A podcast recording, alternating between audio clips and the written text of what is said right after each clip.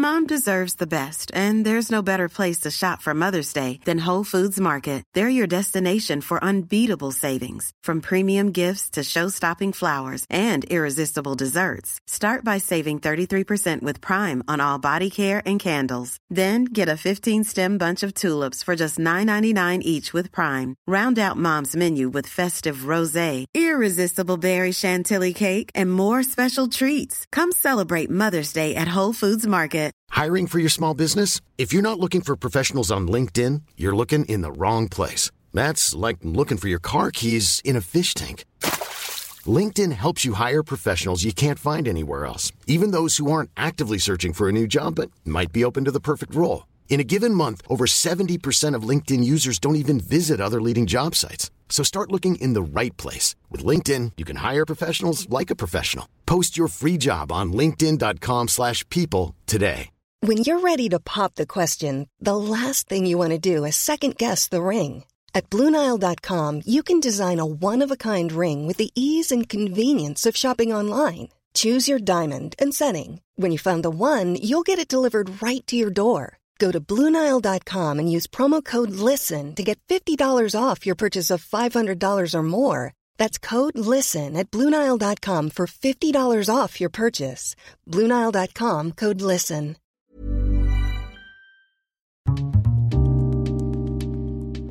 Det här programmet handlar om en noga utvald bok och ett samtal med dess författare. Välkommen till Lära från lärda. Fredrik Hilleborg vid micken och den här veckan så ska vi prata jämlikhet. Boken heter Jämlikhet är lösningen och en av de två författarna, Per Sundgren. Välkommen till podden. Mm, tack så du ha. Och jag brukar alltid börja med att gästen får presentera sig, så vi börjar i den änden. Ja, vad ska man säga? Jag är en gammal avdankad vänsterpolitiker, men fortfarande aktiv. Jag har ju hela mitt liv varit politiskt engagerad. Jag landade tidigt till vänster. Jag har suttit i fullmäktige i Stockholm över 20 år. Jag har varit kulturborgarråd. Jag har haft en rad olika ordförandeposter. Jag har varit ordförande i Utbildningsradion. Och jag är fortfarande aktiv. Jag sitter i ABFs styrelse i Stockholm. Jag sitter med i Rågsveds Folkets hus styrelse och jag är aktiv på lokalplanet i Vänsterpartiet. Mm. Men jag har ju lämnat väldigt mycket bakom mig. Men däremot så har jag på senare år då startat en stiftelse som heter Jämlikhetsfonden. Och den är lite också bakgrunden till den här boken som vi ska prata om. Mm. Och den där stiftelsen, upphovet till den var egentligen att jag upptäckte som pensionär att jag hade mer pengar än jag behövde. Alltså, jag är ingen rik person, men jag och min fru, vi har varit dåliga konsumenter. Vi har alltså inte lyckats konsumera upp våra löner. Det låter ju som ett stort misslyckande i det här landet. Så jag upptäckte alltså att jag hade mer pengar än jag behövde, så vad skulle jag göra med pengarna? Ja, jämlikhet är någonting som jag tyckte var viktigt. Det borde finnas ett pris för de som på något vettigt sätt arbetade för jämlikhet tyckte jag och började prata lite med kompisar och säga att ska vi inte starta något och dela ut ett jämlikhetspris? Äh, vem ska få det? Det är ju ingen som är värd det. Men jag var beredd att sätta in en miljon kronor i eh, det här arbetet och jag talade med Daniel Suonen på Katalys då, för jag tänkte att det skulle vara lite brett, inte bara snävt på vänstersidan utan in i den breda arbetarrörelsen. Ja, han var inte heller så övertygad från början, men efter något år så nappade han och då satte vi oss ner och bestämde hur vi skulle lägga upp arbetet och vi tyckte att en stiftelse var en bra grund. Och så satte vi igång och vi har delat ut jämlikhetspriset nu 100 000 kronor till en organisation, ett företag, ett, en fackförening och så har vi ett hederspris på 10 000 kronor. Och i år 24 blir det tionde året som vi delar ut pengarna. Och man kan säga att det här priset har en stadga som säger att de som ska få det, de ska ha gjort något. De ska ha visat att de har kunnat minska klyftorna, ojämlikheten i den egna organisationen. Och vi har varit rätt inriktade på att det här är ju centralt i arbetslivet och i företagen, att det är för stora klyftor så kan man peka på något företag eller någon organisation där man har minskat klyftorna, då ska de kunna få det här priset. Mm. Och då kommer vi in på en del som jag tycker är viktig i boken och också som går in i det här priset, tänker jag. Vad är jämlikhet och vad innebär det? För att eh, jag gissar också att det finns väldigt många uppfattningar. Ja, verkligen. Många som säger att nej, men vi är klart vi är för jämlikhet. Det är väldigt lätt att säga det, men vad innehåller den här påsen? Hur definierar du den och ni den? Ja, jag har ju en speciell uppfattning om och, och i boken så fokuserar vi på social och ekonomisk jämlikhet. Men jämlikhet innebär ju också grundläggande medborgerliga rättigheter. Det här att vi formellt är lika inför lagen och har rätt att rösta. Och det är ju en jämlikhetsprincip som vårt samhälle och, och, vår demokrati bygger på och som ofta kopplas ihop med liberala tänkesätt, alltså att vi har de här grundläggande rättigheterna. Men de måste ju inte vara liberala på något sätt, men, men det finns ju med som en självklar grund. Men det är inte det som vi fokuserar på i första hand, utan vi fokuserar just på det som är social och ekonomisk jämlikhet. Och där blir ju liberalerna nervösa och där är de inte med på båten längre. Eh, vi tycker helt enkelt att jämlika samhällen med mindre ekonomiska klyftor är bättre än ojämlika. Och vårt samhälle har ju utvecklats under senare år, under flera decennier mot ökade klyftor och, och, jag tycker det är oerhört bekymmersamt alltså. Och även i världen i stort så är ju ojämlikheten stor och ska vi ha någon framtid i den här världen och i Sverige så måste vi försöka minska klyftorna. Så att den sociala och ekonomiska jämlikheten, det är det centrala i den här boken. Om man ska då, som du beskriver i boken, ni beskriver i boken, den ekonomiska jämställdheten. Eh, vad som har hänt med den, hur har den utvecklingen sett ut? Vad är, är nycklarna där? Ja, man kan säga att det finns en forskning som är ganska entydig på den här punkten att ser vi historiskt på det så var ojämlikheten väldigt stor i slutet av 1800-talet. Och sen minskade ojämlikheten och klyftorna under 1900-talet fram till 1970-1980-talet. Och 1980 så hävdas det, och det är man ganska enig om, så var Sverige världens kanske jämlikaste land 1980. Men sen hände något. Sen har klyftorna stadigt vuxit igen och snabbare i Sverige än i många andra länder. Så att vi har alltså en utveckling under drygt hundra år från stor ojämlikhet till allt mindre ojämlikhet i Sverige och så växande klyftor igen. Och då frågar man sig för det första, varför minskade ojämlikheten under 1900-talet och speciellt efter andra världskriget? Jo, grunden är ju helt enkelt att demokratin infördes. Människor fick rösträtt, de fick möjlighet att påverka och då kunde man inte längre nonchalera det som var flertalets åsikter. Samtidigt så hade vi folkrörelser, fackföreningar som, som gav en styrka bakom de här kraven på minskade klyftor. Och med det som grund så ställdes krav som också fick genomslag i de politiska valen och vi kunde få regimer, politiska regimer i landet som var intresserade av att värna välfärd och jämlikhet. Och klyftorna minskade och det kan vi se ända fram till 1980. Vi hade också hög beskattning av kapital. Och Det som hände efter 1980 sen, det kan man se, det innebär att det här som vi hade erövrat de starka positionerna för arbetarrörelsen, för fackföreningar, för demokratin, det har försvagats under de senare 30-40 åren och nu växer klyftorna istället. Tidigare brukar jag säga att när vanliga knegare skulle få det bättre, ja då byggde det på att facket slöt goda avtal.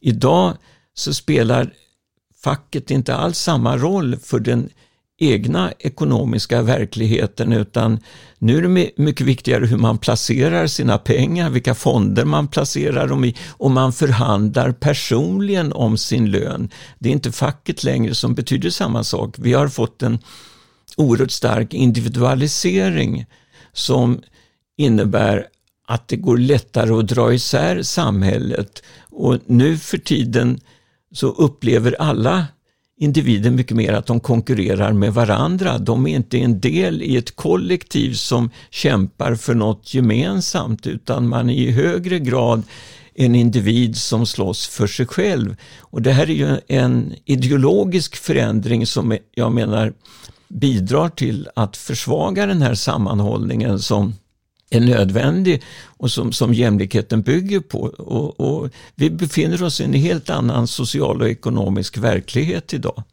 Man hör att du är en, en eh, skolad vänsterdebattör här. Men, men, jag tänkte det, och, och eh, något som är intressant, för det, just det här med att det har, ojämlikheten har ökat, det är en sån komplex mm. eh, fråga också, eftersom det är så många olika krafter som har eh, varit med och påverkat det här. Och det jag tänkte bara nämna, jag hade en forskare nyligen som har skrivit om det här med ekonomisk jämställdhet och att det ofta i debatten så använder debattörer cherrypickar och plockar lite sina eh, perspektiv. För beroende på vad man väljer att titta på så kan man hitta liksom sånt som stödjer ens argument. Så.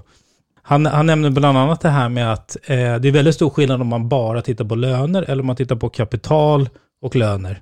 Den stora förändringen gäller kapital, alltså de som har stort kapital, det har växt. Löneskillnader har, har inte förändrats lika mycket som kapitalet som har, till exempel då, väljer man att ta med båda och sådär. Och sen att det är andra förändringar som att det kommer mycket flyktingar till Sverige som, som ju mm. också gör att lönebilden förändras. Det är, det är massa olika parametrar. Mm. Absolut, och jag håller ju bara med på den här punkten att det som framför allt har ökat är ju att de rikaste har dragit ifrån. De som sitter och, på kapital. Ja, och de, de, de verkligt stora pengarna tjänar de alltså på sitt kapital. Och Sverige är ju unikt i världen idag genom att i stort sett ha avskaffat alla kapitalskatter.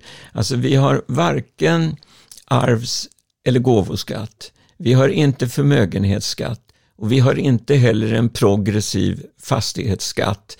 Utan i Sverige så är ju normalvillaägaren på landsbygden som äger en kåk på en miljon eller två miljoner kronor betalar ju lika mycket i fastighetsavgift som, som miljonären som bor i slottet som är värt 40, 50, 100 miljoner. Och det här det skiljer ut Sverige. De flesta andra länder har ju antingen fastighetsskatt eller förmögenhetsskatt eller arvsskatt eller några av de här skatterna. Men vi har ingen av de här skatterna kvar.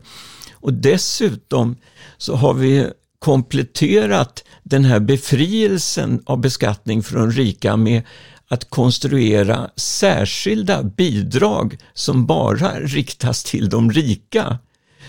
Alltså vi, vi, det är precis motsatsen till, till att, att eh, en progressiv beskattning och då tänker jag på sånt här som beskattningen av fåmansbolag.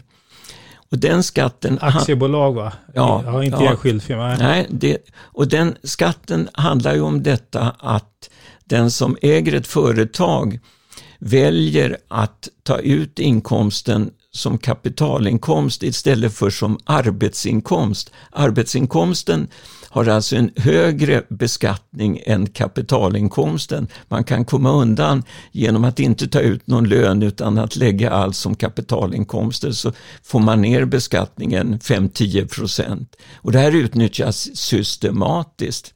Det är ett sån, en sån här möjlighet för de som har företag och höga inkomster. Sen har vi de här ISK-kontona. De utnyttjas också framförallt utav personer med höga inkomster. Och sen har vi dessutom hittat på det här märkliga med att de som har höga inkomster och ska renovera sina kök eller bygga eh, swimmingpools i trädgården, då ger vi särskilda bidrag till dem som gör att de, de kan renovera på skattebetalarnas bekostnad. Och vill de sen eh, köpa sig hemhjälp eller barnflickor så får de rutbidrag. Alltså allt det här är bidrag som framför allt går till de redan rika. Så vi har ett skattesystem som i grunden är regressivt.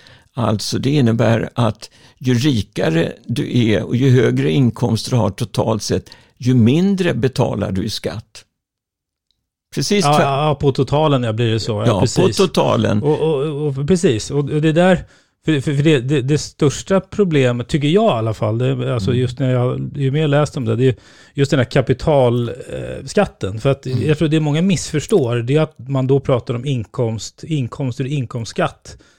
Eh, att de rika betalar, alltså de tänker, jaha, betalar de mindre skatt om man tjänar mer? Mm. Det, men det är ju på totalen. Det är på totalen, alltså ja. det är både arbetsinkomst och kapitalinkomst. Och det är ju kapitalinkomsterna Exakt. som har gjort att de rika har dragit ifrån för att ja. utdelningen på kapitalet, aktier och så vidare, det är där de, den stora utdelningen finns. Så det, det är den ena sidan som gör att ojämlikheten ökar, alltså att de rika har dragit ifrån enormt och det har ju Cervenka visat i sin bok Girig Sverige. Han talar ju om att det finns 540 miljardärer och nu har han hittat ytterligare några. Och, och, Sverige är ju unikt i den delen att vi har fler miljardärer per invånare än USA. Vi ligger i världstopp när det gäller att vi har just en spets, en grupp mycket rika som har dragit ifrån oerhört snabbt. Det är den ena sidan. Den andra sidan är ju att de i botten har halkat efter. Och det ökar ju bara gapet mellan de rika och de som har det sämst. Alltså de som inte har fast anställning och fast lön utan de som lever i gig-ekonomin, de som lever på socialbidrag, de som inte ens platsar för socialbidrag, de som är flyktingar, de som är hemlösa. De som inte har sjukförsäkring eller a-kassa, de har halkat efter kraftigt så att klyftorna totalt sett har ökat. När de i botten halkar efter och de i toppen drar ifrån, då får vi ett Sverige med allt större skillnader. Två faktorer till det om man tittar på botten. Det är ju dels då flyktingströmmar, som är en del som de senaste 20 åren Sen också det här med att det blivit större skillnad mellan att arbeta och inte arbeta. Ja. Alltså hela Reinfeldt-eran och så. Det har, ju, det har ju också gjort att den gruppen i botten då har, har skiftat eller så att säga halkat efter. Ja. Det är inte så att om man tänker hela mittendelen att det, det är sänkta löner, alltså lön främst. Eller nej. hur? Om man, vilka nej, faktorer är det? Som? Nej, det finns en, en mitten som, som har klarat sig bättre, helt klart som, som ändå har totalt sett fått en standardhöjning under de här åren. Eh, det, det, är inte så att vi har blivit fattigare, den stora majoriteten utav svenskar som är löntagare. Tvärtom, vi har fått en kraftigt ökad levnadsstandard. Även om det nu det sista året ja. har stoppat upp eh, rejält. Men de avgörande klyftorna består ju utav den topp som drar ifrån och den botten som inte hänger med. Mm, och, och, det är ganska många människor i den där botten. Mm. För det blir lite komplicerat också det här när man, tycker jag, eller dels att, alltså nu tänker jag allmänheten och debatten, skilja på liksom löner, kapital, vad som är vad. Men sen också, också tycker jag, nu, nu tänker jag utifrån ett kommunikationsperspektiv, som det jag pysslar med. Ja. Jag tänker bara också när man, när man pratar om ytterligheterna, de, rika, de är stora och de där, men de är mitten, alltså det blir en retorisk svår fråga att liksom förstå för alla. Det är mest ytterligheterna som har, har gör att det har förändrats mest, så att säga. Jo, men det finns ju ett problem förstås och, och det är ju om man ska driva en politik som är solidarisk så är ju en förutsättning för det att alla känner att det här ändå är någonting som är en vinst för dem också. Och det menar jag att jämlikhetspolitik faktiskt är. Och det är också en viktig del i det här att när klyftorna växer så blir det ett sämre samhälle för alla. Vi får större konflikter, vi får eh, större sociala problem i samhället. Allt det här som eh, hänger ihop med segregation, med gängkriminalitet, med ohälsa. Det är ju någonting som inte bara påverkar de som direkt drabbas av det utan det påverkar ju hela samhället och, och skapar en otrygghet i hela samhället. Och vill vi verkligen leva i ett samhälle där vi kanske behöver låsa in oss i sådana här gated communities. Den tanken finns ju på flera håll i Sverige. Redan idag finns det ju moderata kommunalråd nere i Skåne som diskuterar och skapar sådana här gated communities. Och det bygger ju på att den här stora gruppen som vi kan kalla medelklassen eller vanliga löntagare, att de ska inte behöva beblanda sig med de där nere som bedöms som farliga och, och osociala och, och, och, som skapar dålig stämning i samhället. Och, mm.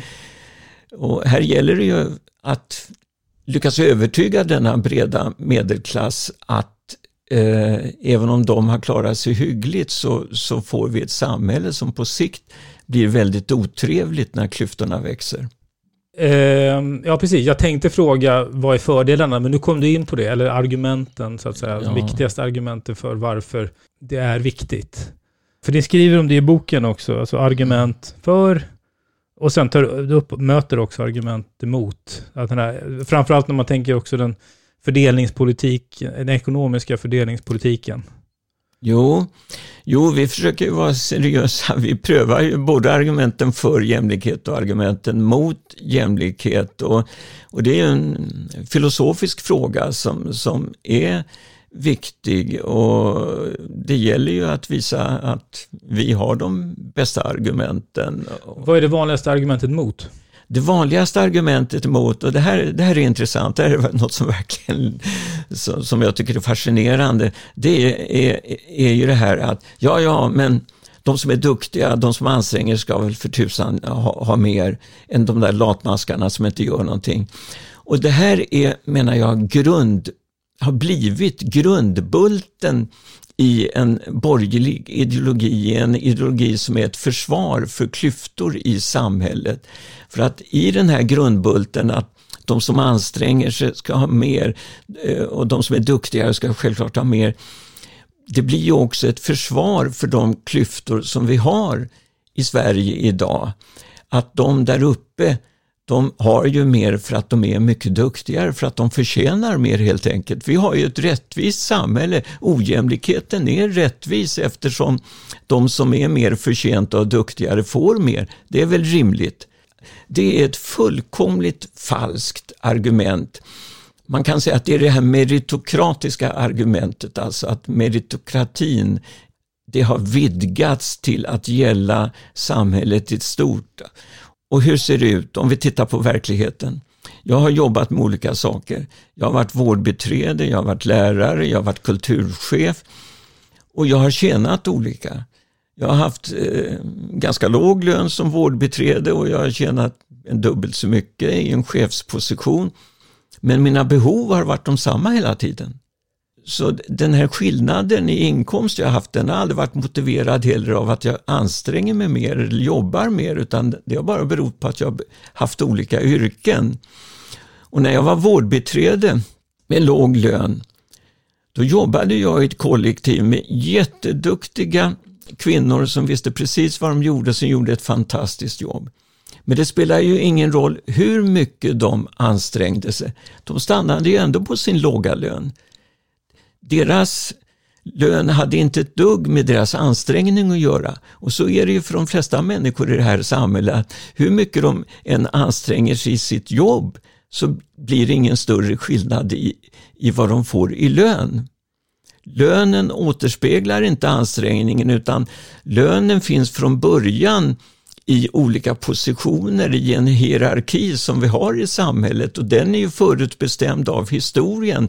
Så att de där uppe uppe tjänar så mycket mer, framförallt på kapital. Det har inte ett dugg med deras ansträngningar att göra eller att de skulle vara duktigare än oss. Alltså det här är en myt att de som är miljardärer är duktigare.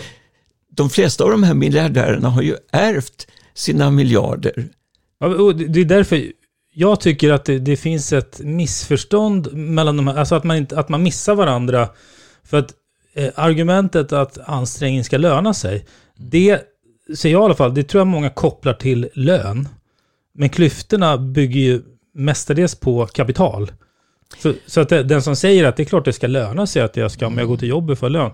Men, men det, då handlar det inte om kapital. Då handlar det inte om att man har kapital som växer, utan att jag går och jobbar. Så det är egentligen två olika, alltså förstår du hur jag menar? Det... Ja, då, jag förstår, men, men jag, där vill jag lägga till att det är ju också stor skillnad på vad vi har i lön.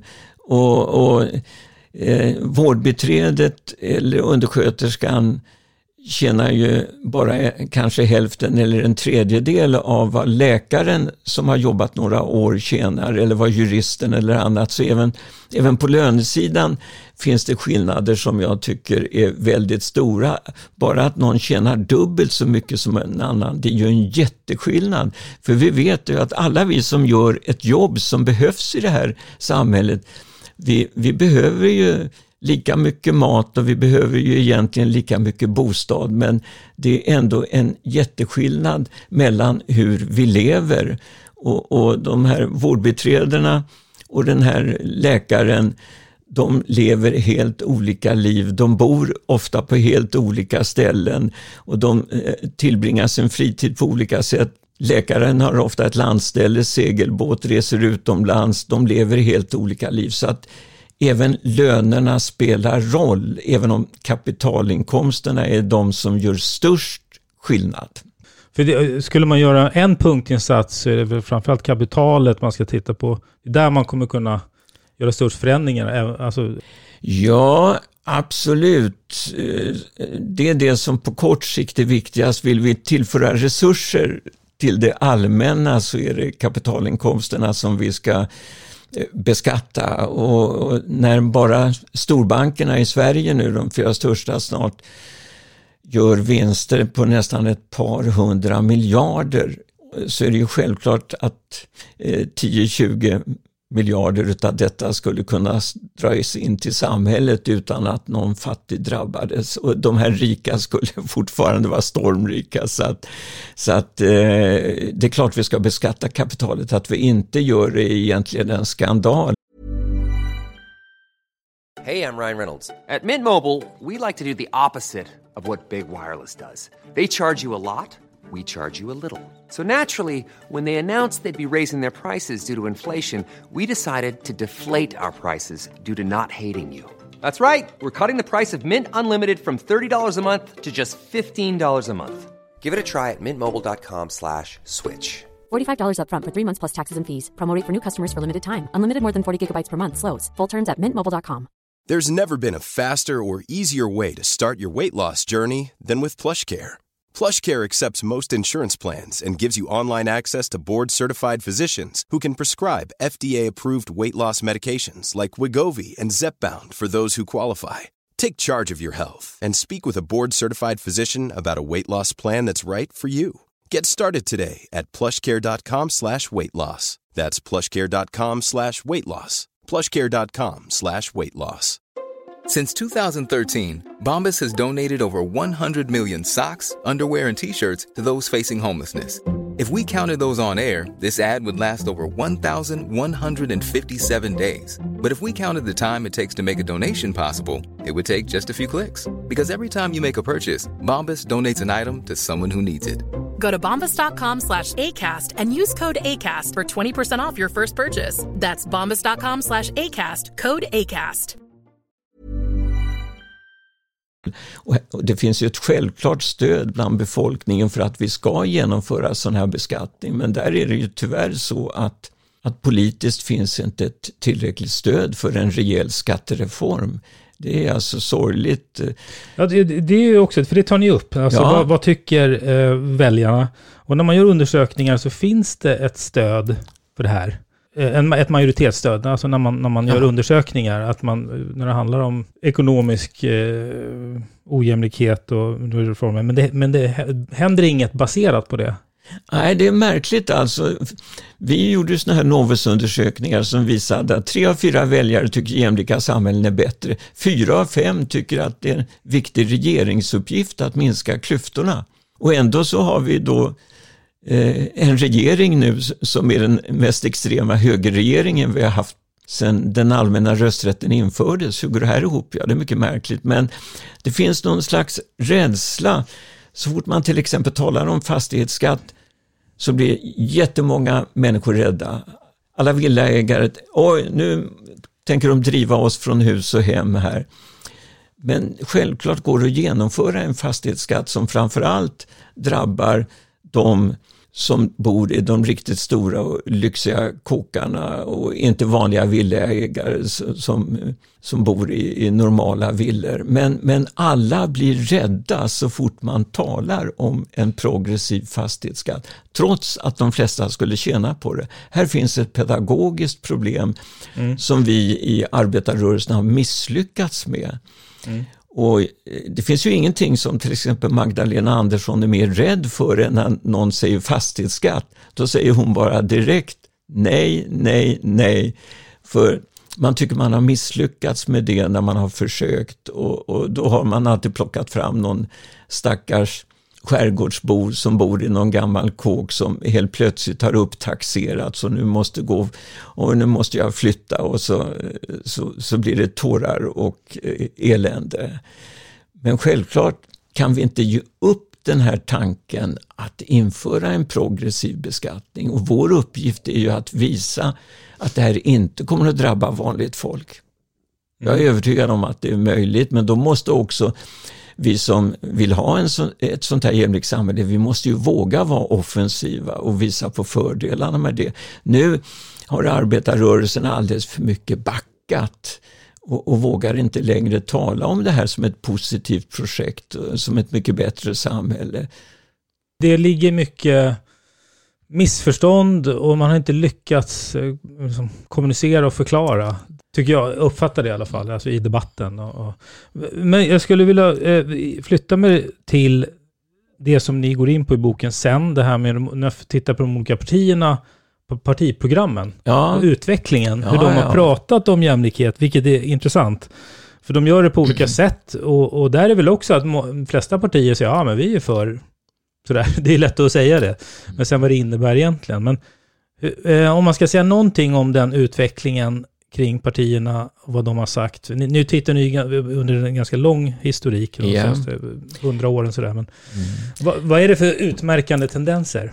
Ja, alltså det finns ju en väldigt tydlig tendens. Alltså från början, om vi tar eh, stora perspektivet, så kan man säga att det som hände när vi fick den allmänna rösträtten, det var ju självklart att arbetarrörelsen var för en beskattning av de rika och var för jämlikhet medan det var självklart för den tidens höger både att vara emot den allmänna rösträtten och också vara emot en politik som minskade klyftorna, som ökade jämlikheten. Alltså det fanns en avgörande skillnad mellan höger och vänster i politiken och och bondeförbundet var ju också ett parti för de som ägde och, och självklart motståndare till både allmän rösträtt och kvinnlig rösträtt och jämlikhet. Men när, när rösträtten är genomförd så händer ju någonting och vi får nya konflikter men jämlikheten blir inte någon viktig fråga egentligen förrän efter andra världskriget med arbetarrörelsens efterkrigsprogram som skrivs av Wigforss. Och nu ökar också kapitalbeskattningen och nu ökar trycket på jämlikhet och klyftorna i Sverige minskar. Och under 60-talet så har ju Socialdemokraterna som eh, huvudparoll ökad jämlikhet. Och på de socialdemokratiska kongresserna så pratar man om jämlikhet och protokollen är pepprade med jämlikhet. Jag har räknat det här ordet på olika partikongresser och det är hur mycket jämlikhet som helst och det är ett väldigt tryck på att minska klyftorna i Sverige. Och det här slår igenom, så även borgerliga partier eh, förstår att vi måste också driva de här frågorna. Så 70 och 72 så skriver både gamla bondeförbundet, Centerpartiet och den tidens liberaler, Folkpartiet, de skriver partiprogram som talar varmt för minskade ekonomiska klyftor och som talar om behovet av att öka förmögenhetsskatter och kapitalbeskattning på den tiden. Så när man läser de här programmen från, från den tidens då liberaler och, och bondeförbund så är, så är det ju häpnadsväckande hur radikala de är i jämlikhetsfrågan. Centern är faktiskt det parti som har jämlikhet som rubrik i sitt partiprogram 1970. Men sen händer någonting under slutet på 1900-talet. Vi, vi får en nyliberal våg, en nyliberal politik som får stort inflytande i världen i stort, alltså med Thatcher i England och Reagan i USA. Och även i Sverige så helt plötsligt så börjar man diskutera i termer av att eh, välfärden och socialstaten har blivit nästan förtryckande och nu måste vi öppna för marknaden. Och, och det ser vi också i partiprogrammen. Helt plötsligt så blir de här tankarna på jämlikhet som finns inskrivna, de reduceras undan för undan och försvinner mot slutet av 1900-talet och även i de socialdemokratiska partiprogrammen så betonas inte jämlikhetsfrågan på samma sätt utan nu betonas istället individen som ska växa, som ska göra karriär. Det gäller för alla att ta chanserna. Alltså det här med livschanser blir ett återkommande ord. Då. Så istället för jämlikhet så talar man om livschanser från socialdemokratin och högerut och det här innebär ju alltid att ja, det gäller att ta chansen och fan, missar du den då är det kört. Och det här är ju egentligen motsatsen till ett verkligt jämlikt samhälle där individualiseringen har slagit igenom och blivit en dominerande ideologisk faktor i partiprogrammen. Möjligen då med, om man bortser från Vänsterpartiet som fortfarande håller fast vid gamla tongångar kan man säga i, i, den här delen. Men det är en stor ideologisk förändring som går att avläsa i partiprogrammen. Att partiprogrammen uppdateras och förändras, att det i sig är väl egentligen inget konstigt, eller det är väl ganska rimligt, alltså utifrån att samhället förändras. Absolut, och, och, det intressanta här är att man kan se att partiprogrammen följer då den här samhällsförändringen, men man, man kan ju också tro eller tycka att i partiprogram ska man skriva fram den politik man vill driva och inte bara anpassa sig till en ideologisk utveckling. Ibland borde det kanske vara ett partis uppgift att ta strid mot en ideologisk utveckling som man tycker är negativ. Mm. Men, ja, det, det, har försvunnit det lite grann faktiskt. Ja, mycket skulle jag säga. Man kan nog säga att partiprogrammen blir väldigt mycket en anpassning till dagspolitiken och det man presenterar i partiprogrammen det blir en bild av hur man vill att väljarna ska se på partiet. Alltså man vill måla upp en så positiv bild som möjligt och man vågar inte ta konflikter med väljaropinioner utan, utan man kollar in opinionsmätningar och opinionsmätningar har blivit allt mer styrande det, det, här ser jag som en farlig utveckling. Alltså. Mm. Man måste våga ta strid med vissa opinioner och framförallt om man anser att opinioner är missledda utav ett starkt ideologiskt tänkande som slår igenom. Mm. Ja men precis, resultatet nu är att det saknas ledarskap och visioner bland de som partierna idag då. Skulle jag säga i alla fall. Ja, jag håller, jag håller med. Jag, jag räknar mig som en del av arbetarrörelsen och jag är ju bekymrad över att att jag tycker att ett, ett eh, jämlikhetstänkande har försvagats i arbetarrörelsen. Det, det, har mest varit retorik då, men, men den praktiska politiken som ska genomföra den här jämlikheten, den har ju saknats och istället har det blivit allt mer av individualisering. Ett ganska tydligt exempel på det är väl Tesla-strejken, där alla, alla eh, som jobbar inte strejkar, utan vissa ser till sitt de är rädda för att förlora jobbet och så fortsätter man jobba. Det är ett exempel på att man inte är med på tåget så att säga. Ja, Tesla-strejken är oerhört intressant och här, den här konflikten har vi inte haft på länge i Sverige, Nej. det här med att tala om strejkbrytare. Alltså, och, och Eh, det, det, har ju eh, varit någonting som varit oerhört negativt och arbetarrörelsen har ju byggt upp sin styrka på kollektivet, på det gemensamma. Men det som vi kan se och som är bekymmersamt det är ju att arbetarrörelsen har försvagats, den fackliga rörelsen, inte minst LO har försvagats. Medlemsantalet har ju minskat under flera år, framförallt på LO-sidan, medan tjänstemannafacken har klarat sig betydligt bättre och till och med har kunnat växa under samma tid. Och det här ser jag som en del i den här individualiseringen som, som har skett där eh, man upplever att det fackliga medlemskapet är inte det viktigaste för de egna ekonomiska intressena utan det har mera blivit det här med var man placerar sina pengar, vilken bostad man köper och så vidare. Och, och det är bekymmersamt så att de, de här tongångarna som man nu hör från en del anställda, att jag, jag tycker det här rör inte mig, de har ju funnits tidigare också och det var ju alltid det som arbets arbetsköparna använde sig när de slog mot arbetarrörelsen, att alla vill ju inte, de tycker att de har ett bra arbete och tjänar bra och ni tvingar dem att strejka. Men, men strejken är viktig, det är det redskap som finns för att försvara kollektiva intressen och, och fackliga avtal, kollektivavtal det är ju en grund för alla anställda att det finns enskilda medlemmar och personer som tycker att de klarar sig. Så är det ju alltid. Det är inte problemet utan eh, kollektivavtalen är ju till för att alla ska ha en grund och trygghet och veta att, att de inte kan skyfflas vart som helst eller sparkas hur som helst. Och, och, det står ju emot att enskilda individer kan ju tycka att jag klarar mig själv, men då får man bestämma sig. Vad är viktigast?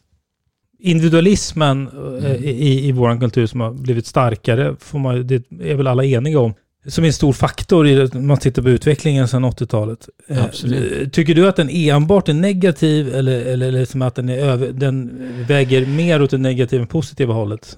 Nej, det är både och alltså. Även om jag självklart försvarar kollektivet så håller jag med om att det är viktigt att vi som är för jämlikhet och som definierar oss som någon typ av vänster förstår att individen ändå alltid måste vara utgångspunkten.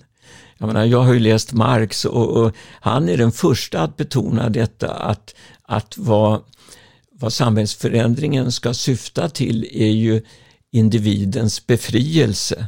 Det är individen som är utgångspunkten även för det kollektiva agerandet alltså. Och, och, och det får vi inte glömma. Så att självklart, eh, kollektiv kan ju bli fyrkantiga och, och kan ju också vara förtryckande så att Eh, i, i, i alla fall min vision utav ett mer jämlikt samhälle så handlar det ju om att jämlikheten är den ekonomiska grunden för att varje individ ska ha möjlighet att utveckla sig fritt. Och problemet med ojämlikheten den är ju just att den bara ger vissa individer möjlighet att utvecklas. Men vi vill ju att alla individer ska få den här möjligheten men men, men jämlikheten måste vara en bas för detta, men den är faktiskt inte målet, utan målet är de enskilda individernas befrielse och möjlighet att utvecklas till lyckliga människor som jag ser det. Vi har hoppat lite grann och rört oss i boken. Ja, ja. Men i slutet så presenterar ni några reformer för jämlikhet. Förslag och tankar. Ja, absolut.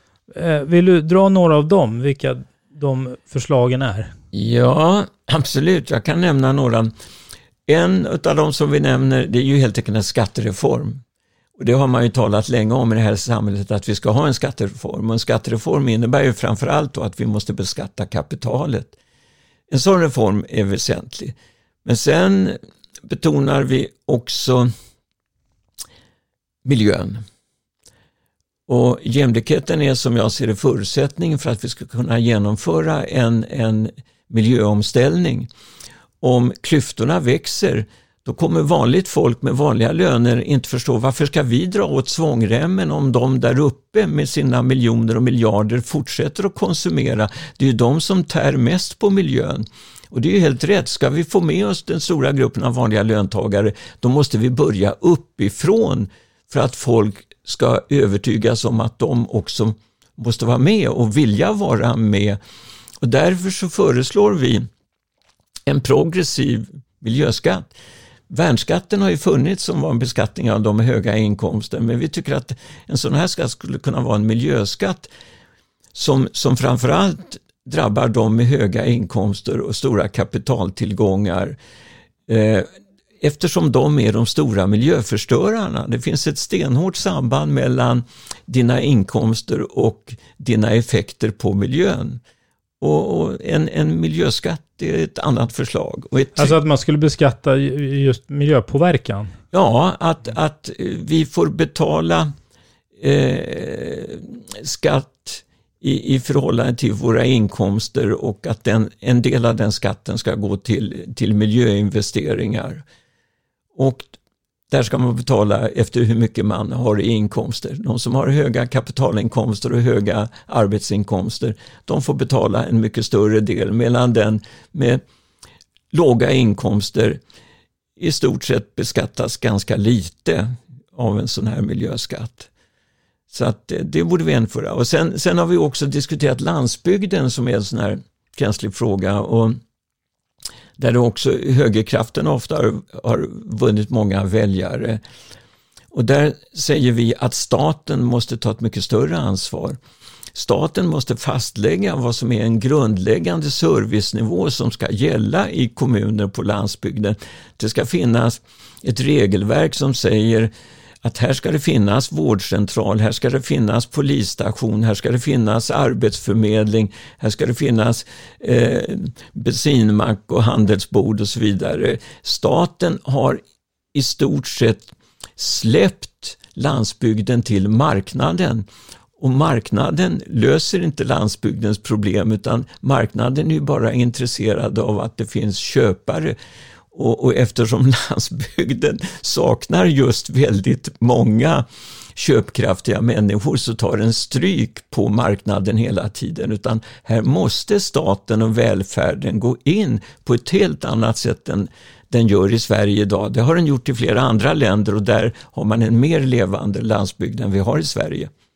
Jag ska bläddra och se om det var någon annan där som jag tyckte var extra intressant. Det är ju sammanlagt 11 eh, stycken va? Ja, ja, precis. Jag skulle själv kunna nämna den som jag tänker på kort sikt vore den allra viktigaste. Det är att stoppa upp det här systemskiftet som innebär att vi säljer ut det som är statliga och kommunala tillgångar, sjukvård, skolor, att det privatiseras. Då slår vi sönder en jämlik och rättvis välfärd. Och det är inte klokt att vi skiljer ut oss på det sättet att vi låter skolorna gå till privata eh, kapitalägare, riskkapitalister som inte ens eh, bor i Sverige som kan tjäna pengar på våra skolor. Det är direkt eh, pengar som kommer från våra skatteinbetalningar.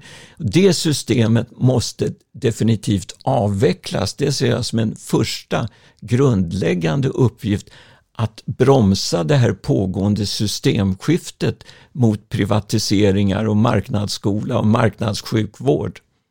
Är det någon pusselbit som inte har nämnts som du ändå vill hinna nämna från boken i helhet? Man kan väl möjligen nämna då att boken ger några exempel på vad som kan göras i Sverige idag, några goda föredömen på, på organisationer som jobbar för jämlikhet.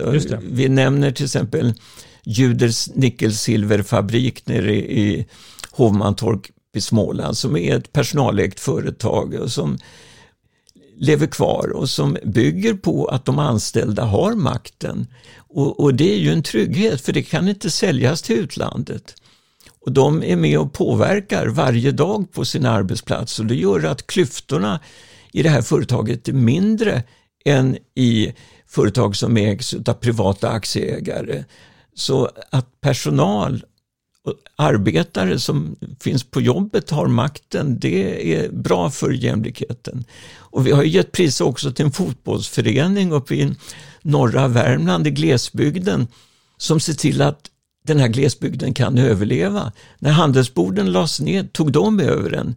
De utvecklar restaurangverksamhet, de utvecklar fritidsverksamhet genom sitt fotbollslag och de har blivit en kraft som får glesbygden att leva kvar genom att ta ett stort socialt ansvar. Så det finns många möjligheter att redan här och nu öka jämlikheten och motverka växande klyftor.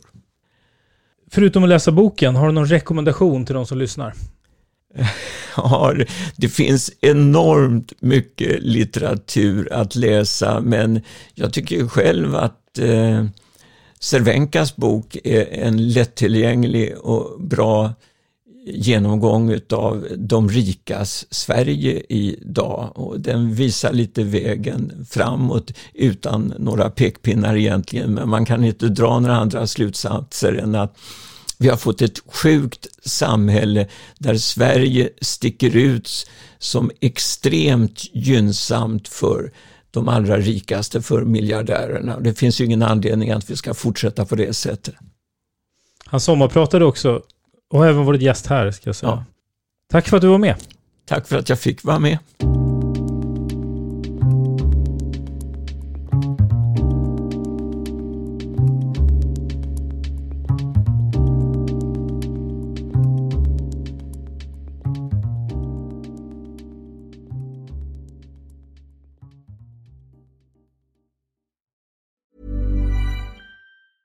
Mom deserves the best, and there's no better place to shop for Mother's Day than Whole Foods Market. They're your destination for unbeatable savings, from premium gifts to show-stopping flowers and irresistible desserts. Start by saving 33% with Prime on all body care and candles. Then get a 15-stem bunch of tulips for just $9.99 each with Prime. Round out Mom's menu with festive rosé, irresistible berry chantilly cake, and more special treats. Come celebrate Mother's Day at Whole Foods Market.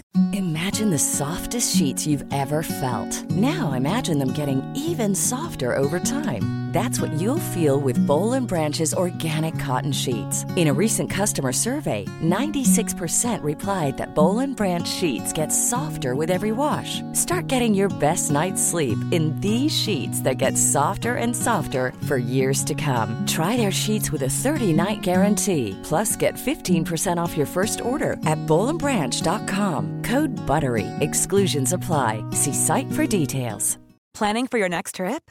Elevate your travel style with Quince. Quince has all the jet setting essentials you'll want for your next getaway, like European linen, premium luggage options, buttery soft Italian leather bags, and so much more. And is all priced at 50 to 80% less than similar brands. Plus, Quince only works with factories that use safe and ethical manufacturing practices. Pack your bags with high-quality essentials you'll be wearing for vacations to come with Quince. Go to quince.com/pack for free shipping and 365-day returns.